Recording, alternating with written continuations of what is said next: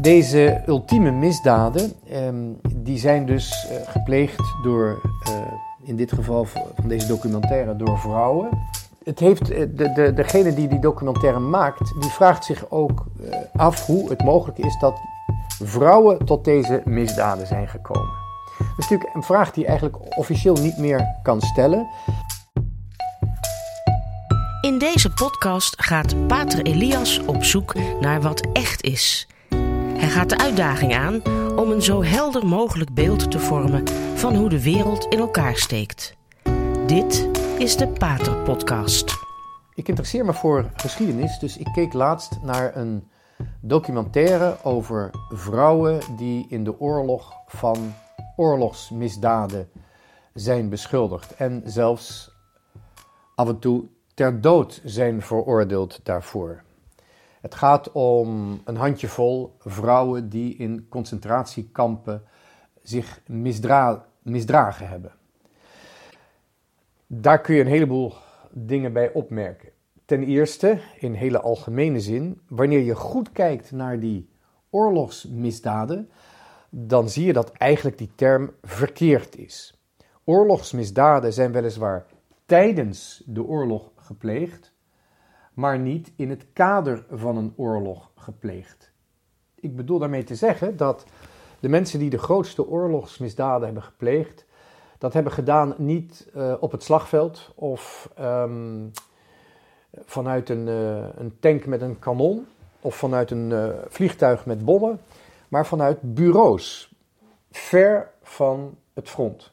De concentratiekampen lagen in veroverd gebied, waar, waar inderdaad de bevolking werd onderdrukt, maar toch de mensen die die misdaden hebben gepleegd, leefden in de illusie dat ze volkomen veilig zaten. Ze zaten ver van het front. Um, er zaten in die concentratiekampen onder de bewakers ook soldaten die eigenlijk ongeschikt waren geworden voor de strijd vanwege verwondingen of vanwege uh, handicaps die ze hadden opgelopen.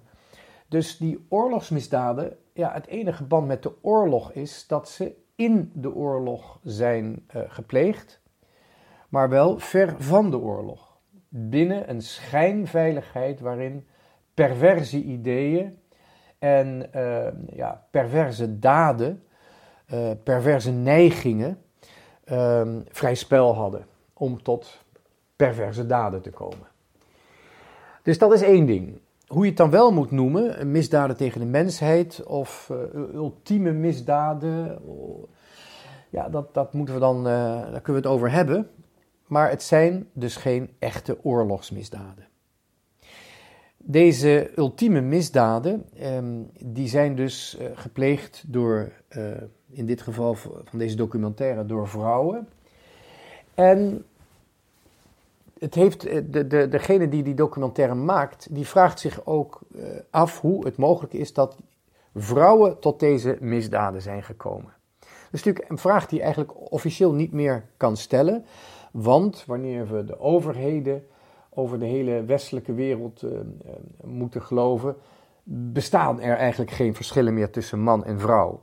Niet alleen hebben ze dezelfde rechten, maar ze hebben eigenlijk ook dezelfde psychologie, dezelfde biologie, uh, hetzelfde lichaam dus. en ja, dus, dus het, wie er te veel over het verschil heeft, die, um, die moet maar verder, um, die, die, die kan niet meetellen. Die, die, die volgt niet de ideologie van de dag. Toch is het blijkbaar nog mogelijk om je de vraag te stellen: hoe kan het nou zijn dat vrouwen, die, laat het zo zeggen, tot voor kort of uh, door de geschiedenis heen altijd toch als de wat zachtere kant van de mensheid hebben uh, gegolden. En bij zacht, dat is niet negatief bedoeld, dat is ook positief bedoeld. Um, de vrouw die kinderen baart, die het leven geeft en die op een hele andere manier met het leven verbonden is dan, dan de man. En dus ook iets anders betekent voor het leven. En iets anders in de wereld staat als het leven. Hoe kan het nou zijn dat de vrouw die zo een intieme band heeft met het leven, het leven geven, dat zij tot die afschuwelijke misdaden konden komen in de, tijdens de oorlog in de concentratiekampen? Dus die, die vraag die kun je stellen, ook al is het volledig tegen de ideologie van deze wereld in. En het is inderdaad dat je dat met een zekere verbijstering ziet. Ehm, en die documentaire was wat dat betreft interessant, want er werd wel gezocht naar de oorzaken daarvan. En, en, en voor de rest vrij droge opsomming van feiten en ook hoe, hoe de dames uiteindelijk, uh, een, een, aantal daarvan, zijn uh, geëxecuteerd, ter dood zijn, uh, tot ter dood zijn gebracht. Um, toch mogen we niet, ja, althans, ik leg dan wel het verband met onze tijd, want ik vind het eigenlijk ook net zo verbazingwekkend zonder direct over vreedheid te spreken en zelfs zonder direct over misdaad te spreken, als ik gewoon er afstandelijk naar kijk, hoe is het mogelijk dat in onze tijd vele vrouwen niet zozeer voor abortus zijn als noodmaatregel of om hun eigen leven in hand te krijgen, een eigen leven te kunnen leiden, uh, hun eigen kind als concurrent kunnen gaan zien of als obstakel voor hun carrière. Dat kan, als ik dat allemaal even daaroverheen kijk, dan zie ik dat er een heleboel vrouwen die abortus, het recht op abortus opeisen als recht van de mens of recht van de vrouw. Dat wil zeggen als een deel van, van hun identiteit. Dat je op korte termijn een kind wil aborteren ik zeg niet dat het goed is, maar ik kan me daar enigszins wat bij voorstellen. Ik ben geen vrouw.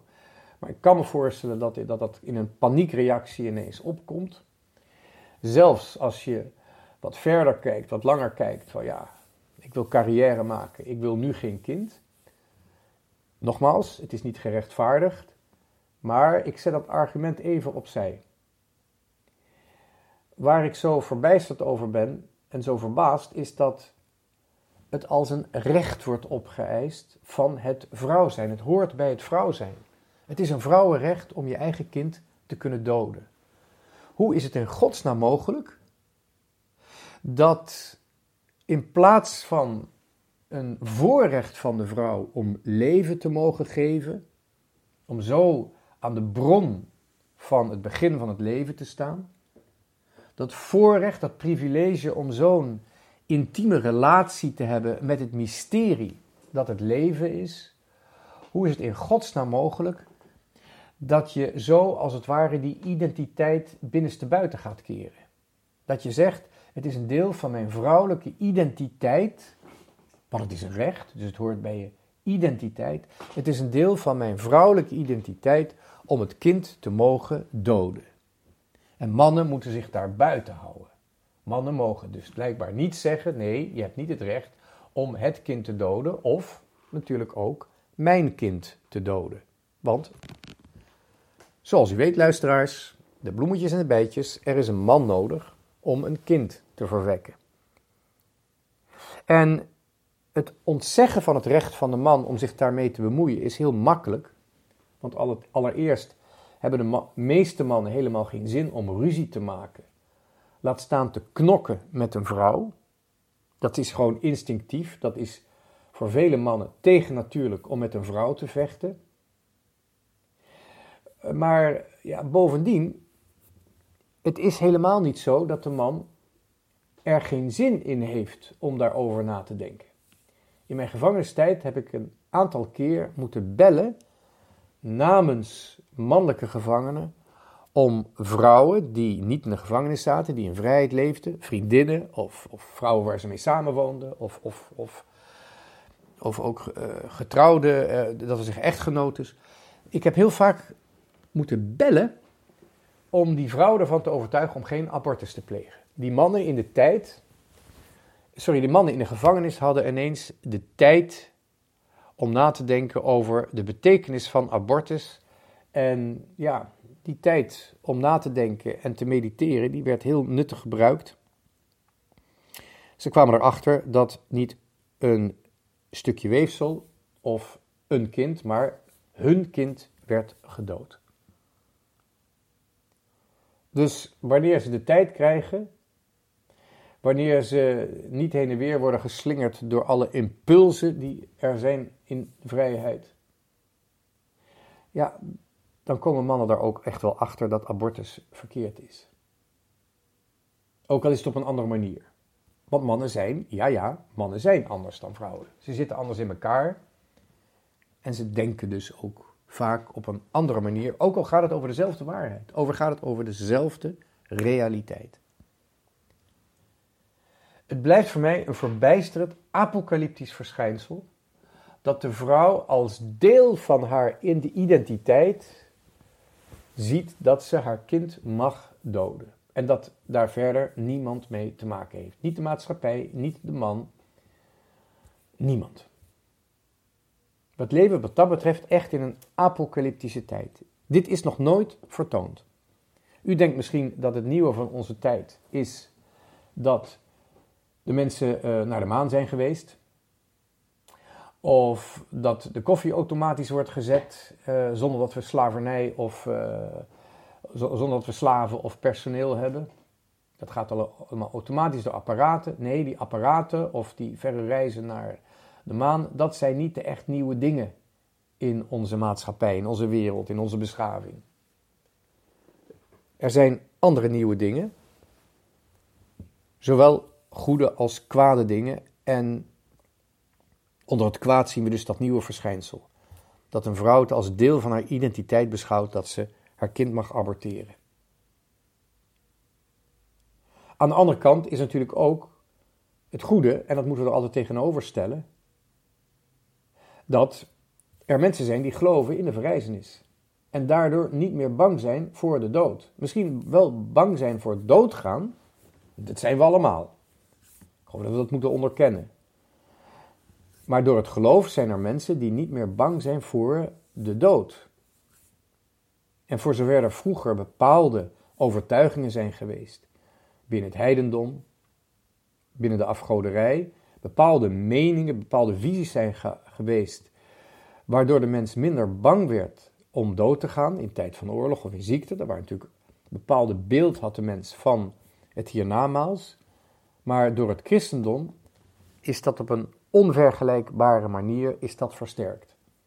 Het christendom geeft een eenvoudige, hoopvolle boodschap over het leven na de dood. Wij zullen verrijzen aan het einde van de wereld. En wij kunnen daar ons op voorbereiden, op een mooie, goede, verheerlijkte, gelukzalige verrijzenis, door ons in ons leven nu daarop voor te bereiden. En dat betekent niet dat dit leven helemaal niks waard is. Nee, in tegendeel, dit leven is een enorme opdracht. Het is een roeping. En alles wat wij doen om die verrijzenis voor te bereiden, zal ook, en dat is dan een bijwerking, zal ook de wereld verbeteren, zal ook het leven draaglijker maken. Dat is een uniek gegeven van het christendom en geen enkele godsdienst heeft zo'n hoop geboden. Ooit in de geschiedenis. En ook vandaag de dag is dat de kernboodschap van het christendom, een hoop die onvergelijkbaar is, niet alleen met wat er in het verleden is gebeurd, maar ook met de andere godsdiensten die nu nog bestaan in deze wereld. En natuurlijk ook een onvergelijkbare hoop met alle vormen van atheïsme, die nu in die westerse maatschappij zo sterk aanwezig zijn. De hoop op de verrijzenis en de uitdaging van de voorbereiding daarop, dat is de kern van het christendom. En geen enkele andere godsdienst of atheïstische ideologie kan daar tegenop. En dat moeten we ons goed herinneren, alleen al om verder te kijken dan al die negatieve en slechte dingen die we zien. En we mogen tussen die twee toch, tussen die twee extremen, die steeds, steeds extremer worden, de extreme, moeten we ook het verband zien. Want er kan maar, en dat is heel belangrijk dat we dat beseffen, we kunnen wel de dingen aanwijzen die slecht zijn en er tegen protesteren en, en, en, en ja, ons daar zorgen om maken. Maar het is geen mening. En het is ook geen sensatie. We mogen ook afvragen waarom het zover komt. Waarom abortus als een deel van de vrouwelijke identiteit wordt gezien. Als het een recht is, is het deel van de identiteit. Waarom is dat verschijnsel in onze wereld? Dat kan alleen maar als oorzaak hebben dat er een geestelijke strijd is in de mens en verder boven de mens of onder de mens. Er is een geestelijke strijd van het goede en het slechte. En die strijd is dus vooral in het mensenhart, in het mensenverstand, in de menselijke fysieke wereld. En als die strijd zo heftig wordt dat het slechte steeds slechter wordt, dat is, kunnen we ook net zo goed zien in de blik van de hoop, in het licht van het geloof, als een teken dat wat we geloven blijkbaar waar is. Het slechte kan alleen maar heftig worden als het goede niet alleen heftig goed is, heel goed is, maar ook onveranderlijk goed. Het slechte is duidelijk, het slechte, het kwade, de kwade, is duidelijk met een paniekvoetbal bezig. Alle dingen die nu ons als zo apocalyptisch slecht op ons afkomen, zijn in feite ook een teken dat het ook apocalyptisch goed gaat in het koninkrijk van God. Dat klinkt misschien heel raar, maar blijkbaar is de waarheid van ons geloof zo sterk dat het slechte heftig in paniek is. Het kwaad moet steeds nieuwere en kwaadaardiger uh, ja, dingen verzinnen om de mens van het goede weg te houden. Het moet steeds meer van zijn ogenschijnlijke, nogmaals ogenschijnlijke, dus niet echte, overmacht gebruik maken om ons te intimideren. Het goede overwint niet alleen iedere keer, maar als ik zie hoe het kwaad bezig is, hoe de mens verdwaast en bang wordt gemaakt door het kwaad, dan zeg ik ja, niet alleen vermoed ik dat het goede niet alleen sterk is, maar het heeft ook al overwonnen. Die overwinning is al onomkeerbaar.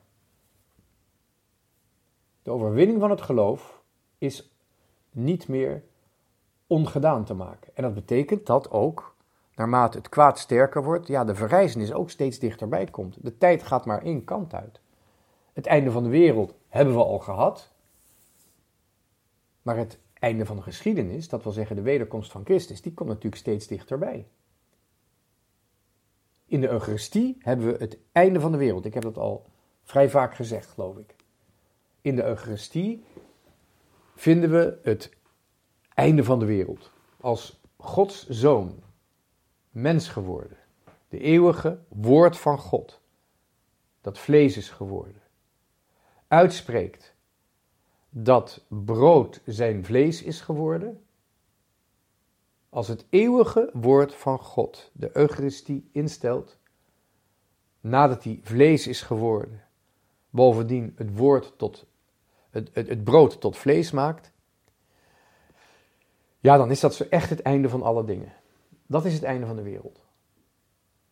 En daarna krijg je dan, wanneer Christus in feite zijn lichaam, zijn vlees, zijn hele menselijke bestaan, zijn hele mens zijn heeft uitgeleverd. Door brood in zijn vlees, in zijn lichaam te veranderen en wijn in zijn bloed. Ja, dan, dan, dan is voor hem wat dat betreft, is het, is het gedaan, is het gebeurd. Het enige wat dan nog kan volgen is de beproeving het doopsel dat de Vader hem geeft om de mensheid te redden. In zekere zin kun je, het is één aspect van het lijden van Christus, kun je ook de kruisiging en het lijden van Christus zien als een gevolg van de Eucharistie. Christus heeft op het moment van zijn Eucharistia, op die avond voor de Goede Vrijdag, heeft hij al alles uit handen gegeven. En de beproeving die daarna komt, is in feite niets minder dan een gevolg van de Eucharistie. En de verrijzenis is dan ook weer een gevolg van zijn, ja, van zijn lijden, van zijn sterven, dat voortkomt uit die Eucharistie. We kunnen niet zonder die Eucharistie. Daarom moet er ook niet mee gerommeld worden. De Eucharistie is heilig. Dat is het moment waarop wij individueel, ieder van ons, voor God staan. En als gevolg daarvan staan we ook als gemeenschap voor God. De overwinning is behaald. En wij hoeven niet meer te overwinnen, maar wij krijgen wel deel aan die overwinning. En in zekere zin is dus ook die verrijzenis van Christus en de, eigenlijk de mis die we iedere keer vieren, heeft ook gevolg tot ons leven. Zo gauw wij de mis hebben bijgewoond en ter communie gaan, worden wij weggezonden. Ite missa est. Wij worden gezonden in de wereld. En in de vertalingen komt daar ineens de vrede bij kijken. Ga heen in vrede. Maar je zou eigenlijk ook moeten zeggen: ga heen naar het volgende gevecht. Ga heen de strijd in. Ik ben er niet zo voor om dat te zeggen: ga heen in vrede. Ja, natuurlijk. Ga heen met de vrede van Christus en breng die vrede in de wereld. Maar die wereld, waarnaar je toe wordt gezonden, ite missa est, die wereld is niet in vrede. We gaan misschien met een vrede, maar wel naar de oorlog. Naar een geestelijke strijd die steeds heftiger zal worden en die ook materiële gevolgen heeft in deze wereld. Die steeds heftiger zal worden naarmate de verrijzenis nadert. En die strijd wordt ook steeds heftiger, omdat we langzamerhand zien dat niet alleen de mens ideologisch verdwaasd is, behoorlijk de kluts kwijt is over wie hij is, maar ook omdat de mens steeds meer korte termijnvisie heeft, zeker in de westerse wereld. Eigenlijk is dat heel erg onbewust in het menselijke denken geslopen, het korte termijn denken. Ik zie dat bijvoorbeeld in de motivatie waarom een heleboel jongeren het vaccin, de vaccinatie tegen de corona nemen. Ze denken niet zozeer na over de lange termijn gevolgen. Ze denken niet eens erover na of dat uh, werkelijk veilig is tegen de ziekte of tegen het eventuele overdragen van de ziekte. Daar hoor je weinig motivatie over. Er wordt blijkbaar niet zo erg over nagedacht. Het enige waarom ze die vaccinaties willen nemen is om op korte termijn naar een feest te gaan. Het gaat om het feesten, het gaat om het uitgangsleven. En het gaat niet eens echt om de redenen waarom ze willen feesten. Er moet gewoon gefeest worden. Het doet me denken ook aan een gesprek met iemand die bij een, financieel instituut, een verzekeringsmaatschappij werkte.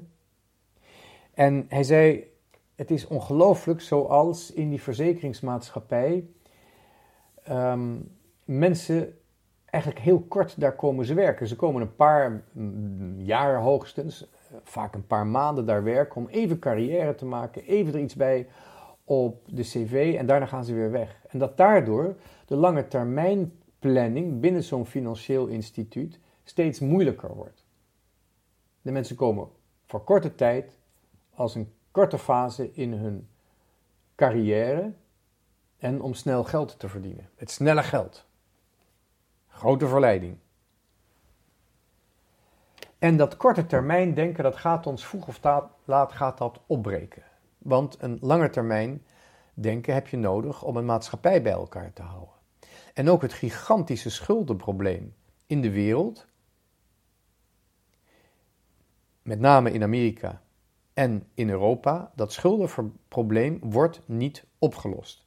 Er wordt altijd, en dat zijn hele belangrijke figuren die dat doen, het zijn hele machtige figuren, die met korte termijn oplossingen dat schuldenprobleem proberen ja, weg te denken. Doen alsof het er niet bestaat. En dat heeft alleen maar tot gevolg dat de generaties die komen gaan, ofwel schulden moeten terug gaan betalen en enorme stap achteruit moeten doen. Nou, dat zal dus niet gebeuren, dan komen de mensen in opstand. Of we zullen gewoon onze macht, bewust of onbewust, vrij ehm, snel zullen we die kwijtraken. Onze zelfstandigheid en daarmee ook onze democratie zullen we dus kwijtraken. En ook daar weer zie je de totale tegenpol van wat het christendom is. En die tegenpol wordt steeds groter. Het gapende gat tussen onze cultuur, of eigenlijk onze niet-cultuur, onze oncultuur, onze incultuur, hoe je het ook noemt. Ons gebrek aan cultuur. Het gat tussen die, het gebrek aan cultuur en de kern van het christendom wordt steeds groter. Dat betekent ook dat we steeds meer moeten kijken naar het wezenlijke, naar de kern van het christendom. En dat dat ook steeds meer onze enige hoop wordt. Maar het is wel de grootste hoop die een mens kan hebben. Dus waar doen we moeilijk over? Waar doen we moeilijk over? Het is helemaal geen.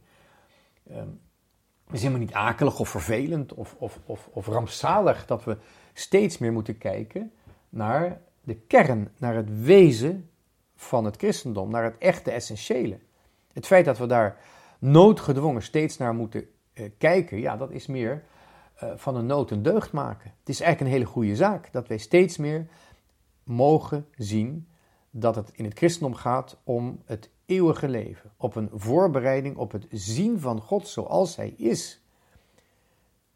Betere belofte kun je niet voorstellen. Sterkere hoop kun je niet voorstellen. Een mooier geloof kun je niet voorstellen. Wij zullen God zien zoals Hij is.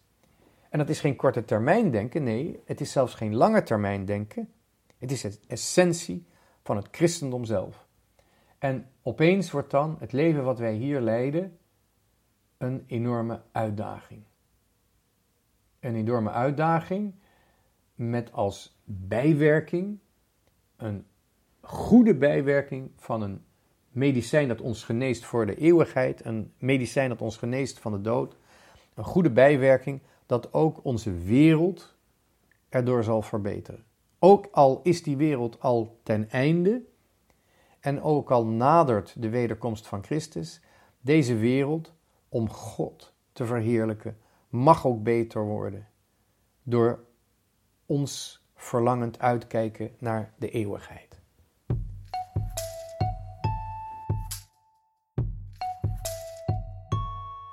Dit was de Radio Maria Pater Podcast met Pater Elias. Deze podcast is online terug te luisteren via de website van Radio Maria en andere podcastplatforms.